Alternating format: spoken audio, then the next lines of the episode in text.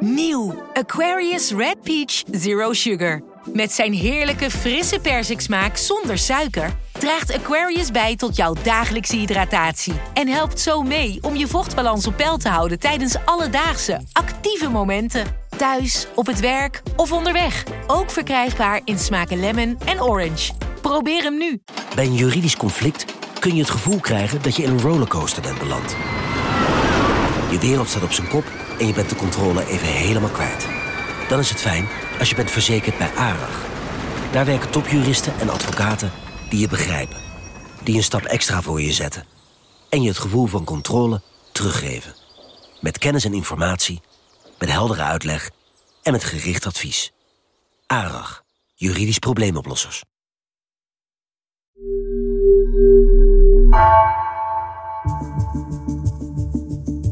Vanaf de redactie van NRC het verhaal van vandaag. Mijn naam is Egbert Kalsen.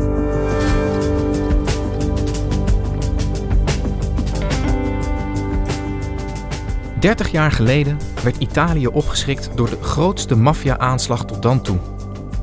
Die was gericht tegen een rechter, Giovanni Falcone. Italië-correspondent Ine Rooks bezocht de plek van de aanslag en zag hoe de moord op Falcone nog steeds de levens van de mensen daar beïnvloedt. En zelfs in Nederland is de nasleep daarvan nog voelbaar.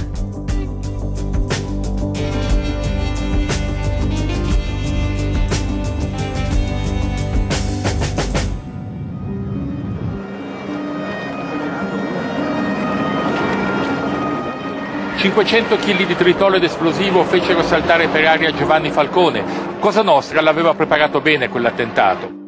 Het is vandaag precies 30 jaar geleden dat er door de Siciliaanse maffia, Cosa Nostra, een aanslag is gepleegd op de Siciliaanse onderzoeksrechter Giovanni Falcone. Die aanslag eh, was uh, een aanslag zonder weerga. De explosie was verschrikkelijk. De eerste auto van de kleine karavaan werd 100 meter weggeslingerd. De drie inzittenden, agenten van Falcones lijfwacht, waren op slag dood. De gepantserde auto van Falcone brak in tweeën. Falcone stierf onmiddellijk, zijn vrouw een paar uur later in het ziekenhuis. Een stuk van de snelweg werd gewoon volledig weggeblazen. Stel je voor, het was de snelweg van de luchthaven in Cinisi naar de stad Palermo. Dus stel je voor dat dat gebeurt op een paar kilometers van, van Amsterdam in Schiphol. En dat was niet alles, want bijna twee maanden later, op 19 juli, volgde opnieuw een aanslag op uh, een andere onderzoeksrechter van de antimafia-pool van Palermo, Paolo Borsellino, boezemvriend van Giovanni Falcone. Ze waren samen opgegroeid. De zwaar bewaakte Borsellino is gisteravond in het hart van Palermo vermoord met een allesverwoestende bomaanslag. Steeds meer mensen vinden dat de staat moet terugvechten, keihard. Het gebeurde pal in een woonwijk. Er zijn mensen die vertellen dat... Uh, dat ze toen het gevoel hadden in Beirut te leven en niet in een Europese stad, uh, zoals uh, Palermo. De schade was enorm. Probabilmente sono tutti morti, tutti morti, anche il magistrato. Perciò non sappiamo se sicuramente tutti morti colleghi, tranne Vullo, tranne Vullo. A quanto pare era Borsellino, molto probabilmente sono morti tre colleghi. Om het uh, voor buitenstaanders en voor niet-Italianen te duiden hoe impactvol die aanslagen zijn geweest, worden de moorden uh, uitgevoerd door Cosa Nostra op uh, Giovanni Falcone en Paolo Borsellino vandaag beschreven als het 9-11-moment van Italië, omdat ze Italië ook wezenlijk hebben veranderd. Ine, ik, uh, ik ben zelf van 1973 en ik kan me die aanslag op Falcone nog, nog levendig herinneren. Die, die bijna oorlogsbeelden die we daar toen van zagen. De, de moord op Falcone werd, werd gedaan door de, door de Cosa Nostra, hè, de, de Siciliaanse maffia. Maar hij was niet de eerste rechter die vermoord werd, hè? Nee, er waren zeker al eerder, al eerder moorden um, gepleegd. Er was ook al een aanslag tegen het uh, leven van uh, Giovanni Falcone vereideld. Maar na die vereidelde aanslag zei uh, Falcone dat hij wist wat er kon gebeuren. Hij wist heel goed wat er speelde en hij ging toch door. Ja, en kan jij schetsen hoe die maffia op Sicilië opereerde? Hoe, hoe, ja. hoe gewelddadig was dat daar in die jaren? Ja, dat is een heel goede vraag, omdat uh, zeker ook als je kijkt in, uh, naar de beeldvorming uh, van Cosa Nostra en van, van maffia, dan is dat, naar mijn gevoel, veel, veel te vaak geromantiseerd. Maar alleen al in de jaren 80, voor Zuid-Italië alleen, had de maffia en verschillende maffia-organisaties om en bij de 8000 moorden gepleegd. Dus dat is ja, van, een, van een verschrikkelijke schaal. Dus het was echt gewoon een terreurbewind. dus de, de maffia hield al flink huis, zou je kunnen zeggen. 8000 moorden in die, die jaren 80. Um, wat maakt die aanslag, die, die moord op Falcone en Borsellino dan zo bijzonder? Waar, er is heel veel geweld bij gebruikt. Waarom hebben ze voor dat signaal gekozen? Ja, dat is een, dat is een uitstekende uh, vraag. Want ze hadden bijvoorbeeld Falcone ook gewoon kunnen doodschieten ja. in Rome. Maar de maffia wachtte tot die um, in, in Palermo was. Het moest op Palermo uh, gebeuren. Het moest ook met ontzaglijk veel um, geweld gebeuren. En het was een manier van de maffia om uh, de oorlog te verklaren aan de Italiaanse overheid, aan de staat. Dat had alles te maken met uh, het uh, gigantische proces waar de beide mannen, zowel Falcone als Borsellino, bij betrokken waren geweest. Het Maxi-proces. Dat was de eerste grote mega-rechtszaak tegen honderden mafiosi. Die was al in 87 gevoerd, maar het punt is dat de aanslag tegen Falcone in 92 gebeurde, omdat het Hof van Cassatie, de laatste rechtsgang, had net geoordeeld. En er werden ettelijke mafiosi-leiders, uh, maffia-bazen, tot levenslang veroordeeld. En de maffia was ziedend. Dus de moord op Falcone wordt als een rechtstreekse wraakactie om die uitspraak van uh, cassatie gezien. Ja, ik, ik, herinner me dat, dat er duizenden jaren gevangenisstraf volgens mij werden uitgesproken destijds. Hoe, hoe was het Falcone gelukt om tot dit punt te komen? Want die strijd tegen de maffia is jarenlang vergeefs gevoerd en hem lukte het ineens. Wat was zijn, zijn formule? Hij noemde het het theorema van, uh, van Buscetta. Tommaso Buscetta was uh, misschien wel de belangrijkste spijtoptand tussen heel heel grote aanhalingstekens. De man had geen spijt. De man was een mafioso. En Buscetta werd uh, gearresteerd in Brazilië. Um, is daar gemarteld. Ze hebben zelfs gedreigd om hem uit een vliegtuig uh, te kieperen, opdat hij zou praten. En hij praatte niet. Hij werd uitgeleverd aan Italië en hij praatte wel met Falcone. En Buscetta gaf uh, Falcone uiteindelijk de handleiding. En hij legde uit hoe het werkte, dat het een hiërarchische structuur is, piramidaal opgebouwd, dat mafiosi elkaar niet mafiosi noemen, maar leden van Cosa Nostra, onze zaak. En uh, dat maakte het voor Falcone doenbaar om dat proces voor te bereiden. En andere magistraten hebben erover gezegd: ja, tuurlijk waren wij de maffia al op het spoor en wij waren al aan het onderzoeken, maar wat Tommaso Buscetta ons vertelde was eigenlijk uh, de schakelaar om het licht aan te steken. We zagen ineens in de ruimte waar we in waren aan het zoeken, wat we precies waren aan het zoeken. Het licht ging aan.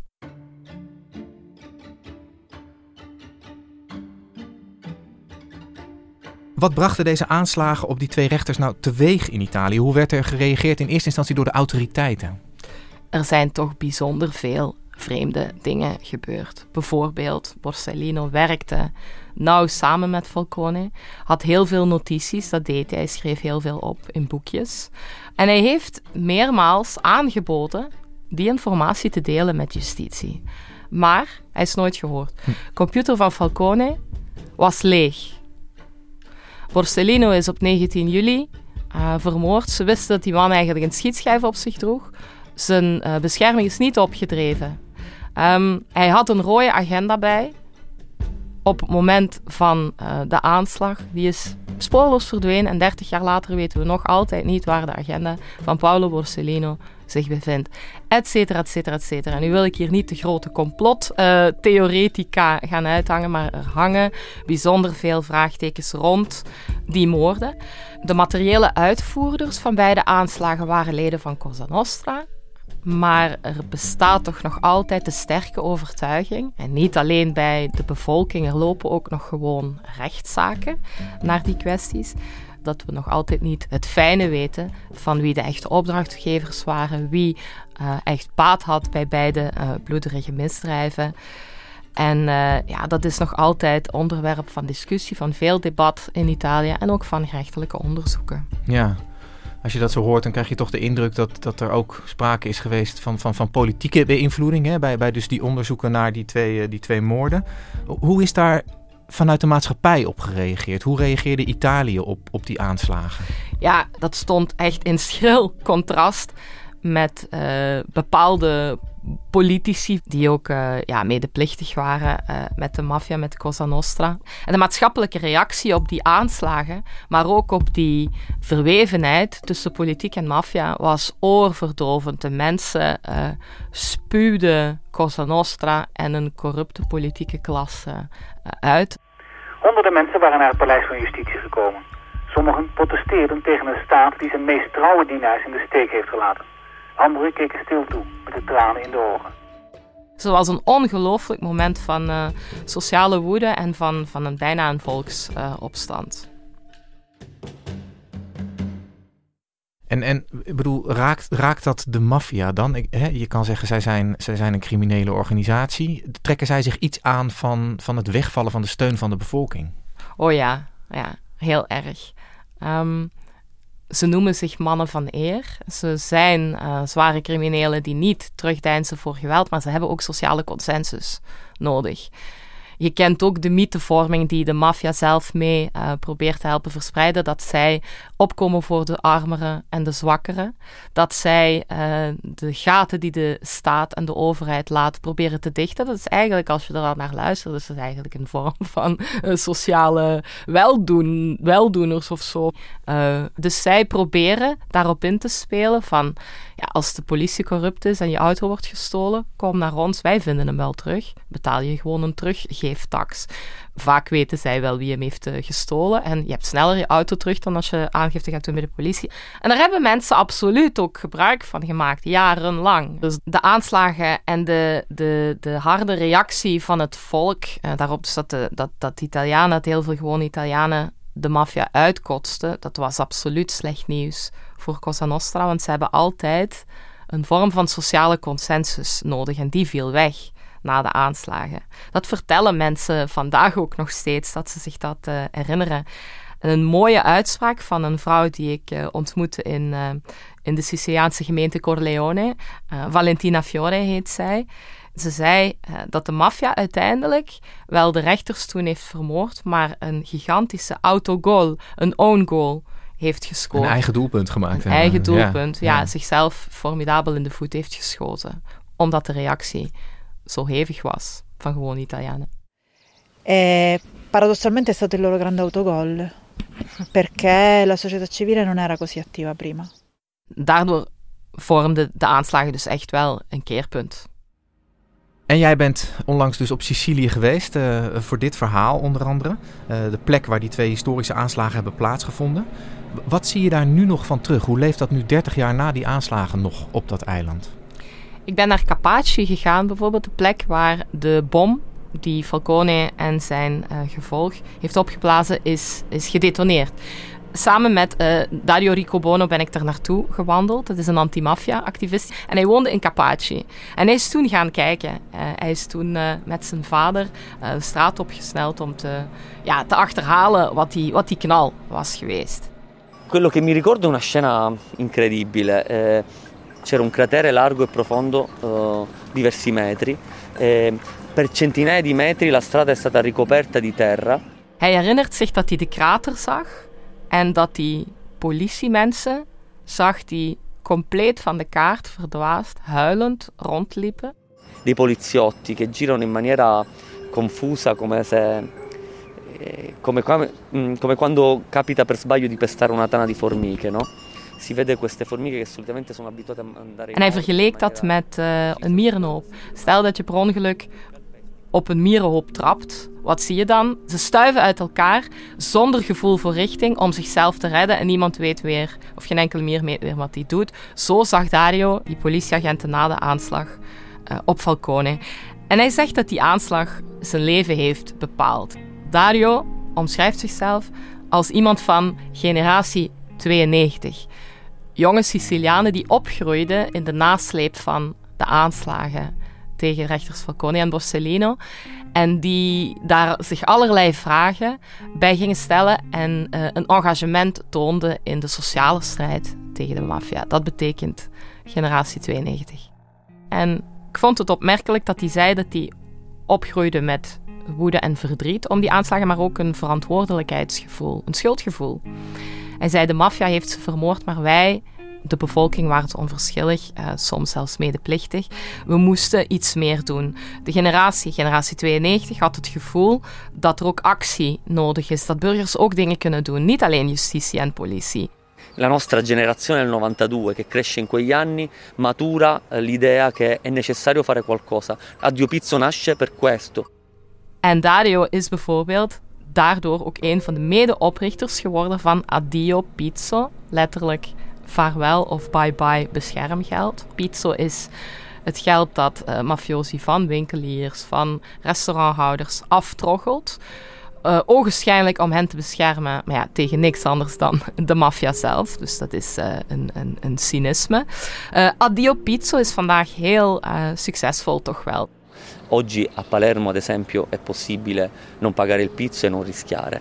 Eh, e questo è stato possibile perché mm. veramente in tanti, non perché noi siamo no. straordinari, ma perché abbiamo coinvolto tanta gente. Quindi.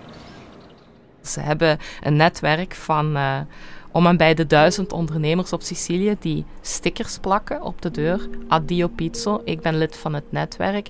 Uh, don't bother, probeer niet eens mijn geld af te troggelen, want ik betaal toch niet.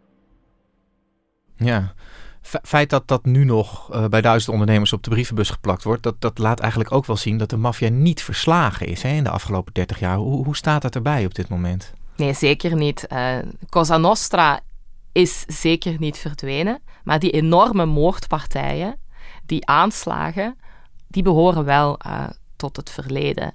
De militaire maffia, zoals die wordt genoemd, is uh, zwaar aangepakt. Veel leden uh, zijn ofwel dood of kregen inmiddels uh, levenslang. En dus die strijd tegen die, die, die organisatie heeft absoluut wel vruchten afgeworpen, maar tegelijkertijd is de georganiseerde misdaad nog heel actief. Niet alleen in Zuid-Italië, maar ook in Noord-Italië. Uh, niet alleen vanuit Sicilië, maar ook vanuit Calabria, vanuit Napels. En uh, tot in Nederland, tot in België, tot in Duitsland. Dus een wijdvertakte organisatie. Maar die moordpartijen die Zuid-Italië kenden, die zijn daar uh, wel verleden tijd. En er zijn ook op het vlak van justitie en het vlak van rechtspraak en bestrijding enorme stappen vooruit gezet. Italië is, uh, is daar een voorbeeld uh, in. Juist omdat ze zo'n bloederige geschiedenis hebben, weten ze ook heel goed hoe ze maffia en misdaad kunnen uh, bestrijden. Ze hebben een handboek, ze hebben veel instrumenten, ze hebben een anti-maffia-wetgeving die het makkelijker maakt om uh, maffiaverdachten heel breed te onderzoeken. De straffen zijn zwaarder als je een maffia-delict hebt gepleegd. En het is razend interessant, vind ik, dat een aantal jaar geleden een wet is ingevoerd in Italië die het mogelijk maakt dat als uh, maffiagoeden, te goeden, uh, als daar beslag op wordt gelegd, dat die bezittingen van veroordeelde maffiabazen dan een sociale bestemming kunnen krijgen in Italië. En zo geef je ook iets terug aan de maatschappij en zo stel je mensen weer uh, te werk. Heb je heel mooie voorbeelden van op Sicilië, van agriturismo, hoeven of boerderijtoerisme. Kan je gaan logeren en lekker dineren op, op voormalig maffialandgoed.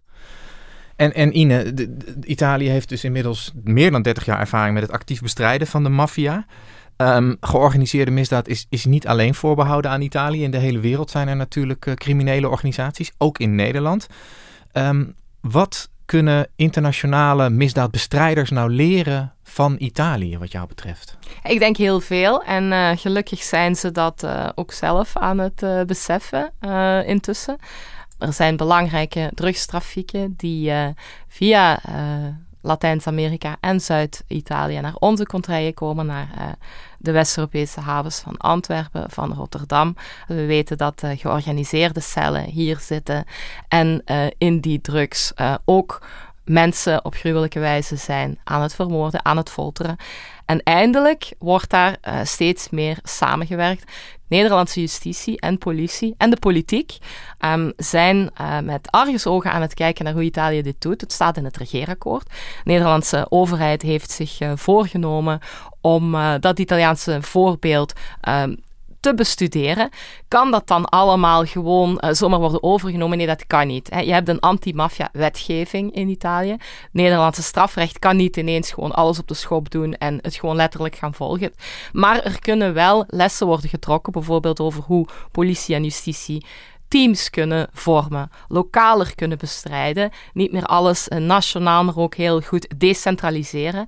En dat was weer een van de vele ideeën die uit de koker van Giovanni Falcone is gekomen en waar we vandaag, 30 jaar later, op uh, de tragische verjaardag van uh, zijn dood nog altijd bij uh, kunnen stilstaan. Hij heeft nog altijd de tools waar veel misdaadbestrijders vandaag, niet alleen in Italië, maar ook in de rest van Europa en de wereld, lessen uit kunnen, kunnen trekken.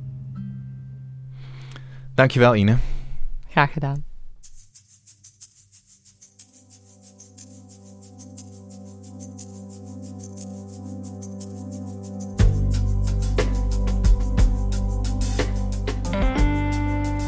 Je luisterde naar vandaag, een podcast van NRC. Eén verhaal, elke dag. Deze aflevering werd gemaakt door Anna Korterink en Astrid Cornelissen. Dit was vandaag, morgen weer.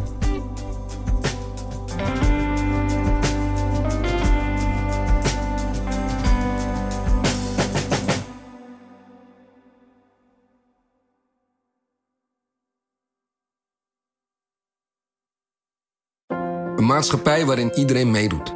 Een gezonde, groene en rechtvaardige wereld. Daar willen jij en heel veel andere mensen best iets aan bijdragen. In het klein en in het groot. Dicht bij huis en ver weg. Zo hebben we vorig jaar 349 miljoen euro bij elkaar gebracht. Miljoenen waarmee onze goede doelenpartners de wereld elke dag een beetje beter kunnen maken. Nationale Postcode Loterij. Samen voor een betere wereld.